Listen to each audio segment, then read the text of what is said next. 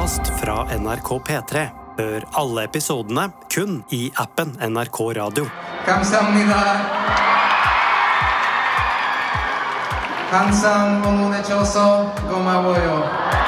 Dette er, tro det eller ei, ikke en asiatisk artist du hører. Det er faktisk norske Peder Elias som i fjor ble kåra til årets beste popartist av en av de aller største strømmetjenestene i Sør-Korea. Nylig fikk han også prisen for årets internasjonale suksess på Spellemann, og det må jeg si, det syns jeg var veldig fortjent. For sjøl om han her i Norge trekker rundt 100 publikummere når han spiller konsert, så kommer det faktisk over 10 000 når han spiller i asiatiske land. Hvordan ble han så stor i Asia? Og hvordan føles det for han å være typ mann på gata i sitt eget hjemland og superkjendis på nivå med Ed Sheeran i en helt annen del av verden?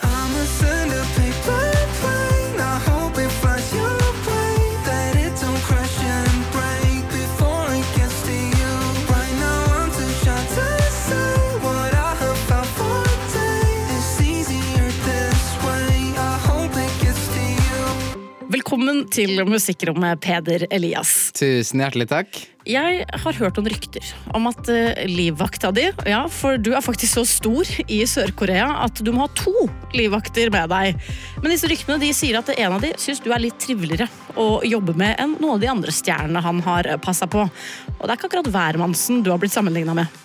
Nei, det var en artig historie. det der. Han ene som var ganske dårlig i, i engelsk, som egentlig ikke hadde sagt noe hele turen, plutselig liksom dro opp eh, sånn translate på telefonen sin, og så leste jeg bare sånn eh, Yeah, I've worked with many foreign artists, but uh, you're the nicest. Og var sykt hyggelig, og så sier han bare sånn You know Tom Cruise? He not so nice. Og Billie Eilish, Ariana Grande, og jeg står der sånn og bare Ja, selvfølgelig vet jeg hvem det er. Det er jo, eh, det er jo et kjempehyggelig kompliment at du eh, blir beskrevet av to svære livvakter som ordentlig ålreit, men du er jo også big in Korea for musikken din. A.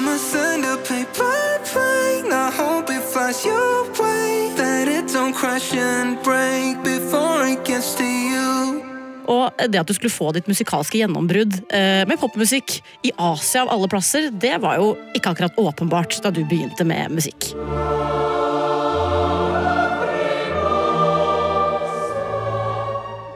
Ja, det der vekker noen minner, ja. Ja, For din inngang til musikk den, den starta jo ikke på store scener i Sør-Korea, Peder Elias. Hvor er det din, eh, ja, din musikkarriere begynte, sånn egentlig?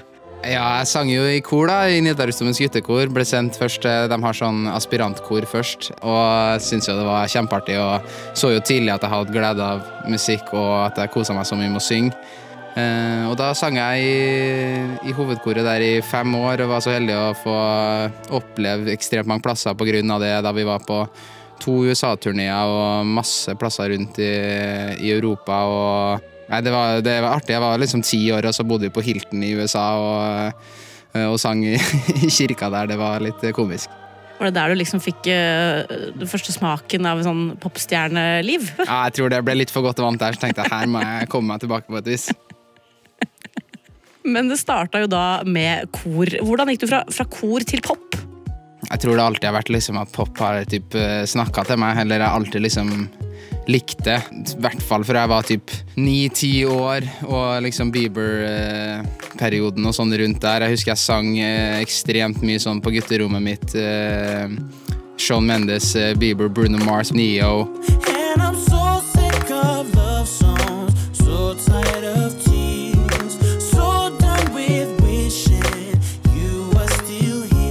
En kompis av meg i koret. Jeg var med henne hjem en dag, og så eh, spilte han Hey Jude på gitar. Eh, og jeg syntes det var det feteste i verden, og tenkte jeg må begynne å spille gitar. Um, og så var det egentlig sånn Jeg slutta jo koret et par år etterpå, for da ville jeg gjøre Da ville jeg ikke synge klassisk lenger. Og da, fra egentlig da til egentlig nesten til jeg var ja, 1920 nesten, så var egentlig bare det musikk for meg var liksom hobbyen på rommet. Det var bare jeg som satt helt for meg selv alene og spilte gitar og sang.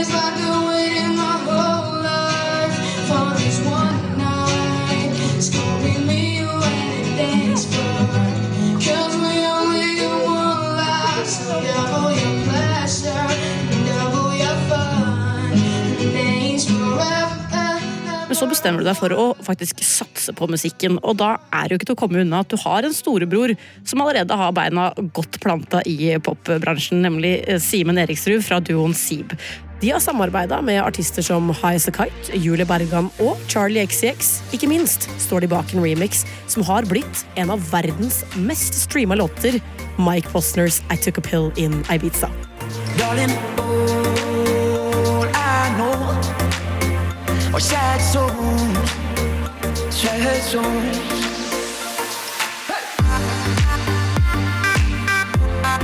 Hvilke fordeler og, og ulemper kanskje hadde det for deg som skulle etablere deg som ny artist og allerede ha en skal vi si, stjerne i familien? Tja, altså det var jo Råd var jo nært, da, på en måte, så det er jo en fordel at man kan si at broren min er, har verdens mest streama låt. At uh, Da tenker jeg at veien er kortere for min del. Uh, kan jo være at jeg har tenkt, men eh, ja, det er jo inspirerende selvfølgelig, og jeg håper jo å nå like mange selv en dag.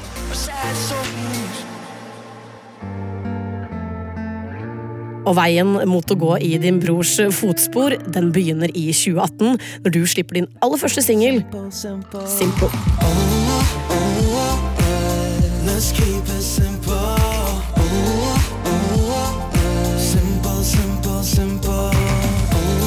Med den åpnes dørene dine til musikkbransjen, men når karrieren endelig begynner å ta form og du har booka masse konserter, så setter pandemien en kraftig brems på alt.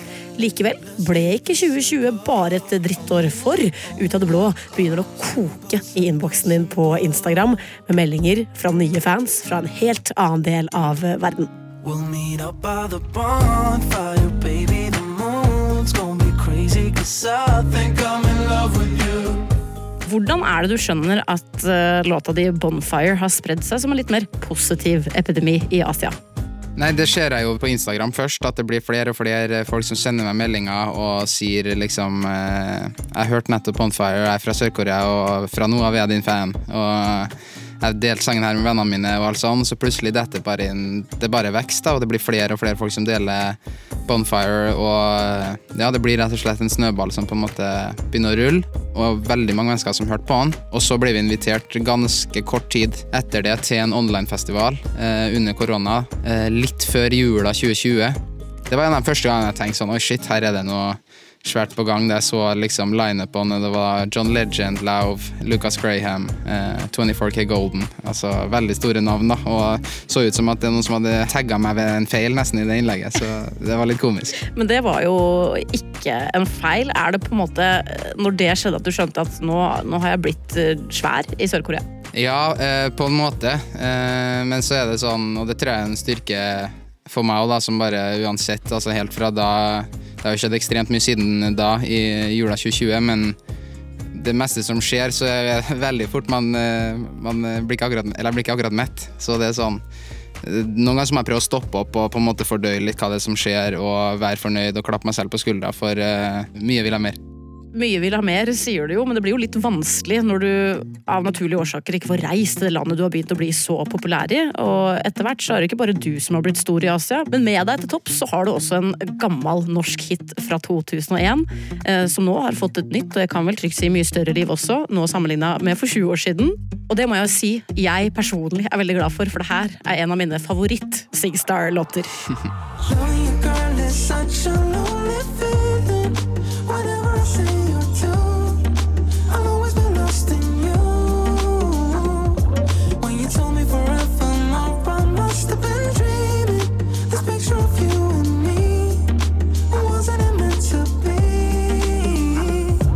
For en av dine største hits i Asia, det er jo en cover av den norske duoen Opus X sin Loving You Girl. Som til og med en av de største k-pop-stjernene, Jungkook fra BTS, elsker så høyt at han har posta at han synger med på den på sin Instagram.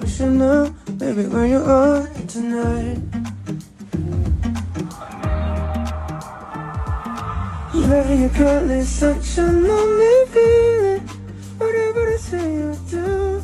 Det husker jeg veldig, veldig godt, liksom, hvor jeg var og sånn da jeg fant ut det, for det var liksom fra at det var litt flere liksom, nye følgere enn vanlig på Instagram, og sånne ting, til at mange hadde sendt meg meldinger. Hey, Peder, uh, John Cook from BTS just uh, shared your song, og alt sånt, og at uh, det hjalp jo den låta veldig. Og det er jo, som du sa, i skrivende stund uh, den største låta mi. Og det stopper ikke der. Stemmer det, det hadde jeg nesten glemt, men eh, noen dager etterpå så hadde han en eh, live på en annen app eller noe sånt, tror jeg, et annet sosialt medie i hvert fall, eh, der han hørte på Good For You òg. Um, og det syns jeg er litt artig, faktisk, fordi um, det er en av de låtene som ikke har gjort det noe særlig bra i Korea. Så at han på en måte hører på den, det syns jeg var litt kult, for da har han på en måte oppdaga meg, tenkte jeg, og ikke bare på en måte hørt den via For den var jo ikke i nærheten av noen charts eller noe sånt. Han har bare funnet den organisk fordi han likte musikken din. Yes! Akkurat. Ah, det er et kjempekompliment, men altså, alt det her det er jo helt vilt til sammen. Karrieren din den, den tar av før du i det hele tatt har satt en fot i landet Sør-Korea. Så når du endelig får reise dit høsten 2022, ja da har det virkelig kokt lenge for den koreanske fansen din. Have you been waiting for a long time?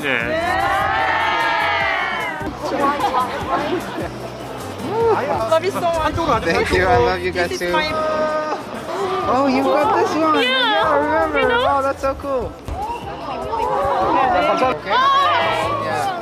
All right. Thank you so much for showing up. Thank you so much. Hi, Neve.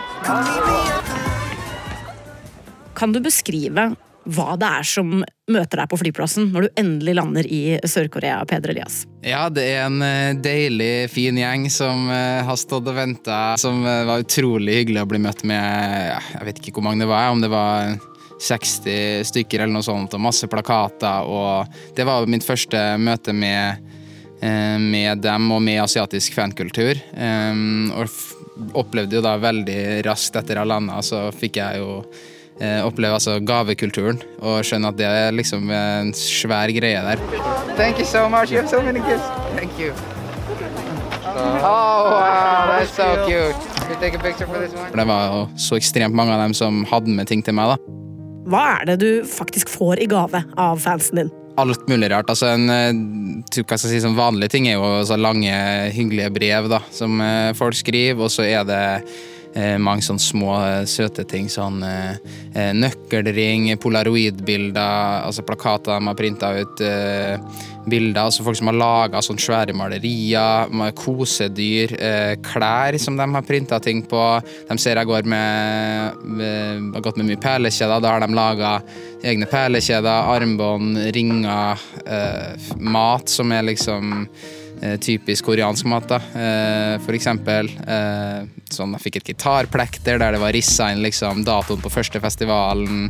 Og nei, utrolig mye fine greier. Det høres jo eh, nesten ut som det er venner som kjenner deg godt, Ja. som vet hva du liker og gir deg de tingene, men Mm. det her høres jo etter hvert ut som du har fått ganske mye ting. Mm. Tar du med deg alt sammen hjem til Norge? Hva, hva gjør du med alle tingene? Nei, det kunne jeg faktisk ikke, og det er det som er litt eh, trist, at vi, vi måtte gi bort noe, og så eh, mye eksempel av de eh, fluffy kosedyrene, det var svært volum, rett og slett, jeg fikk det ikke med meg hjem. Um, men eh, jeg, jeg, bestilte, jeg kjøpte jo en ekstra koffert der da, som var kun til gaver. Det var også komisk da jeg sto på flyplass med de to livvaktene der og, um, og skulle hjem, og så eh, sier han bak kassa bare sånn eh, So, sir, you have quite a few kilo overweight, but uh, I will allow it. I'm your huge fan. og så liksom går han bak fra den liksom check-in-skranka og begynner med selfie og sånn. Det var komisk. Ok, du har allerede begynt å få fordeler Ja, fordi han i skranken eh, på flyplassen i Sør-Korea kjenner deg igjen. Det er jo noe å se for seg, da. Deg med to svære livvakter og masse, altså en koffert full av kosebamser og gaver. Det Ja. syns jeg er et, et gøyalt, eh, gøyalt syn. Men i, i løpet av den måneden du er eh, i, i Sør-Korea, så får du jo brynt deg på det ene og det andre. Blant annet eh, koreansk radio. 웬뉴 영시티 목요일 2부 시작했습니다. 오늘 만나면 해피니스의 주인공 패럴라이스 어서 오세요. 안녕하세요, HI! Dette har jo jeg null forutsetninger for å si, for jeg kan ikke språket. Men jeg syns det høres ganske naturlig ut når du prøver deg på koreansk. Og så er det jo ikke bare på radio du imponerer. How about we start with um, Lighthouse? Do you know it? Yeah! Oh, sick. Can you sing it with me? Yeah! Oh, Awesome. Okay, let's do it together then. Du spiller også en god gammeldags gatekonsert i Seoul. Baby at the lighthouse, lighthouse, counting stars until we pass out, pass out. Think I might just be in love now. That's cute. That's a cute dog. and I've been waiting for a moment like that. Do, do, do. Do, do, do, do. For a moment like that.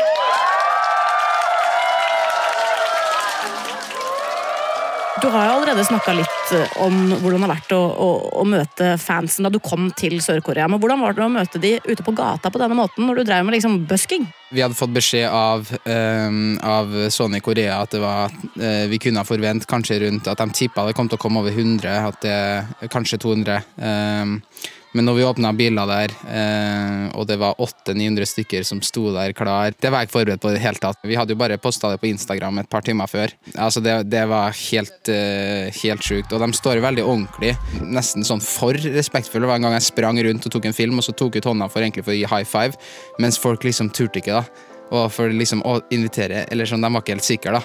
Eh, mens eh, da vi var ferdig, og sorry folkens, nå må jeg gå, liksom, så er det ei som springer ut av den linja da, og på en måte krysser den grensa og så kommer med sånn vinyl og bare Petter, Petter, sign. Og da var det som en sånn bisverm. Da var det liksom, én gjorde det, så var det fjo. Alle som til, og det ble helt kaos. Sony var jo litt stressa, for de hadde én livvakt der, så det var jo ikke mye eh, sikkerhet, liksom. Jeg får sånn flashback til eh, Justin Bieber i Oslo. Han kom på det litt sånn overraskelsesbesøket. Men det er, jo, det er jo drøyt å tenke på at det går fra å spille eh, online-konsert hjemme fordi det er eh, covid og ting er stengt ned, til at det her kaoset bryter ut. Hva er det som går gjennom hodet ditt når det her skjer? Nei, altså jeg syns jo bare det, det er veldig gøy, da. Jeg spilte jo foran 10 000 dagen før på festivalen der, eh, sammen med dritstore artister, og det var helt vilt. Men det var fortsatt kan ikke sammenlignes med det jeg følte ved å stå midt på gata der, og helt improvisert. og det var fantastisk fin eh, stemning og koselig og at det er på en måte litt alle aldre òg. Plutselig satt det ei dame der som var 80 år, så, som var liksom med, det, mm, med barnebarna sine eller et eller annet sånt, og sitte der og liksom synge med og kose seg. Og nei, det var fantastisk. Ok, så er 800-900 stykker på, på gata. Det er eh, 10 000 du spilte konsert for, som du bare nevnte litt sånn i forbifarta i stad. Eh, no biggie. altså, det er jo enormt mange mennesker. Hvordan er det sammenligna med å spille konsert her i Norge? Nei, Vi satte opp en sånn eh, showcase-type konsert. Eh, for jeg slapp jo album i slutten av april, eh, debutalbumet mitt. Da spilte jeg på Krøsset. Og da var det jo eh, eh, 100 og eh, Hvor mange var det der, da? 140, eller et eller annet sånt. Um, så folk kødder jo med at hvis jeg skal ordne sånn dokumentar, så er det liksom fra krøsset til Korea som blir tittelen. Jeg syns det er en veldig god tittel. Men suksessen den vil jo på en måte ingen ende ta, for du får jo også tildelt seks ganger platina for platesalget ditt i Sør-Korea. Eh, det er jo helt vilt. Og hele oppholdet ditt det topper seg vel kanskje når du 8.11. i fjor får prisen for Årets popartist av en av de aller største strømmetjenestene i Sør-Korea.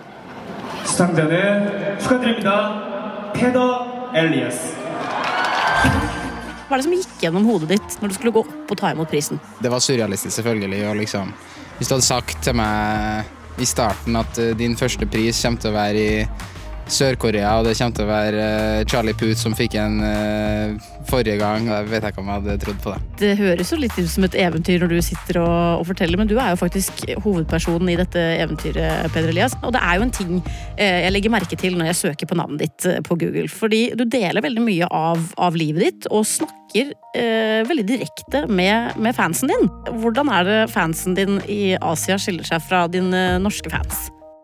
Nei, det er jo veldig skille. Det er jo de in, Intens, da. De kjøper liksom hele Hele pakka mi blir ekstremt liksom interessert i hvem er personen som synger, hva liker dem, altså, og på en måte Det er mange som sier, eh, som har skrevet eksempel I became your fan when, at det virker litt som at det er sånn dere Jeg ble din fan da, og da skal jeg, da skal jeg supporte helt til veis ende. Det virker som det blir veldig personlig for deg å være din fan. Ikke minst så gir jo du de eh, det de vil ha ofte også ved å være ganske så personlig sjøl. Men kan det bli for intenst? Har det liksom noen gang gått for langt? Det var en gang i Korea der jeg la ut en eh, Instagram-story en dag. Eh, Jeg hadde fri, eh, hvor du så utsikta fra hotellet. Eh, Og da var det noen fans som hadde kommet seg inn på hotellet. Og noen som sto og venta da jeg gikk ut av hotellet en halvtime utafor. Og da syntes liksom managementet at det var og det der det, der er litt creepy, liksom, og sånn. Men de er jo bare så søte og hyggelige, i hvert fall alle jeg har møtt til nå. Så syns jeg bare det er nydelig. Det er jo det er på en måte litt imponerende å klare å, eh, å, å, å investigate seg fram til hvilket hotell det er du bor på bare ved hjelp av utsikten. Men eh, å møte opp er kanskje å eh, dra den hakket hakke for langt. Men du, du setter jo pris på det, du Peder Elias. Jeg lurer på eh, hvordan er det suksessen i Asia har påvirka musikken din? Jeg føler ikke at jeg hadde laga noe særlig annerledes musikk hvis jeg ikke hadde slått gjennom der heller. For å være helt ærlig, jeg lager veldig det, det som føles riktig for meg, og det jeg liker selv. Og en ting jeg kanskje har tenkt litt over etter, eh, etter turen som jeg merka, det var at eh, på en låt her som heter Better Alone, så er liksom pre-chorusen sånn eh, superenkel, bare It's like oh, oh, oh. Og det er for eksempel på den buskinga, da. Da var det helt utrolig hvor liksom volumet heva seg på den oh, oh, oh, For det, da, det virka som folk satt og venta sånn Å, her kommer den, her kommer den her kan jeg, den her kan jeg. Og der var vi, liksom. Den kunne jeg synge med på. Fordi det er jo mange av dem som de er jo ikke så gode i engelsk, alle sammen. Så sånn sett så prøver jeg faktisk innimellom å tenke kanskje enda simplere i noen deler her og der. Finne liksom øh, det som hvem som helst kan kaste seg på og, og samle seg rundt, da, på en måte. Mm.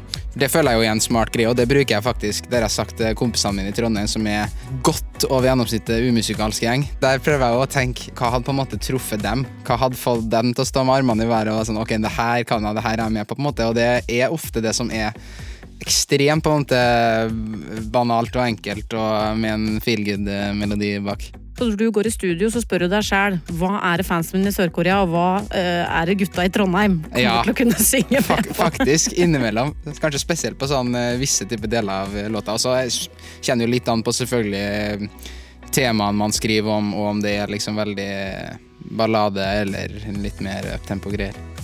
Men nå har du jo nevnt eh, gutta hjemme i, Trondheim og litt sånne ting. Da blir jeg litt nysgjerrig. Eh, på hvilken måte er det eh, suksessen har påvirka deg som person? Kjenner du noen ganger på en litt sånn derre at folk burde vite hvem du er her hjemme i Norge, og, og de tingene der? Ja, på en måte, men Eller det er sånn, og folk, noen som driver og går bort til meg bare sier sånn Kom igjen, da, Peder. Du må liksom være litt cocky nå. Liksom Vise dem at kom igjen, liksom. Men, men for meg, så ah, det på, på ekte, så er det liksom noe som bare Jeg er bare sånn så sinnssykt glad for at jeg, musikken min har klart å funnet plassen der de, der de skjønner helt greia. da. Og så er jeg jo glad for at du på mange måter endelig har fått en form for anerkjennelse fra det norske folket også. Du har jo først og fremst blitt eh, nominert til Spellemann for årets internasjonale suksess. Hvordan var det å få den beskjeden? Nei, Det var enormt stort. Jeg satt på flyet på hjem fra eh, Korea faktisk i februar i år. Um, og det var liksom rett før at jeg måtte trykke på flight mode. Og det, det var litt sånn komisk, for var, jeg fikk det nesten sånn at han eneren min i Sony sa det liksom som at det var egentlig ikke så viktig, men når jeg først prata med det her, så For jeg spurte, vi driver og prata om noe annet, og så var det sånn Fikk, fikk forresten beskjed om at du er nominert til årets internasjonale suksess, så kan du kose meg med det, snakkes senere, eller noe sånt. Så Veldig sånn laster sånn By the way, eh, Ja. denne kan du sitte og følge litt på. By the way, yes. Um, så nei, da satt jeg bare og da flyet letta der og så ut av vinduet og eh, faktisk felte noen tårer og ble rørt og eh, tenkte over liksom hvor hardt man jobber og hvor hardt man ønsker å oppnå ting. Og da få den anerkjennelsen, det var, det var stort. Igjen, det her er jo et hovedrolleøyeblikk i ditt eh, ekte eventyr, eh, Peder Elias. Det kan jo hende det kommer eh, et til. Hva kommer du til å kjenne på? Hva kommer til å gå gjennom kroppen din om du vinner denne Spellemannprisen? Åh, jeg er redd for at det, det, da, det, liksom, det kommer til å være et sånt øyeblikk jeg faktisk mister, mister det litt. Og jeg føler at jeg kommer til å stå og. Ehm, og eh, jeg har vokst opp med Spellemann, og det er sånn som jeg har snakka med mange om, som jeg tror de fleste i musikkbransjen kan kjenne seg igjen i, så er jo på en måte priser Det trenger ikke nødvendigvis å komme så mye ut av det, men bare det å få på en måte en en veldig sånn spesifikk litt sånn anerkjennelse og et punkt på at du har gjort ting riktig og ting du jobber for, eh, at det gir resultater, det, det er veldig, veldig stort og noe som kommer til å noe jeg kommer til å henge veldig veldig høyt hvis jeg skal være så heldig å gå med seieren. Og siden vi hadde denne praten før Spellemannprisutdelinga, så visste jo ikke Peder Elias at det er akkurat det som kom til å skje. Og vinneren i kategorien Årets internasjonale suksess er Peder Elias! Tusen takk til alle lytterne. Jeg er ingenting uten dere. og den her deler vi, og vi har så vidt starta. Tusen takk.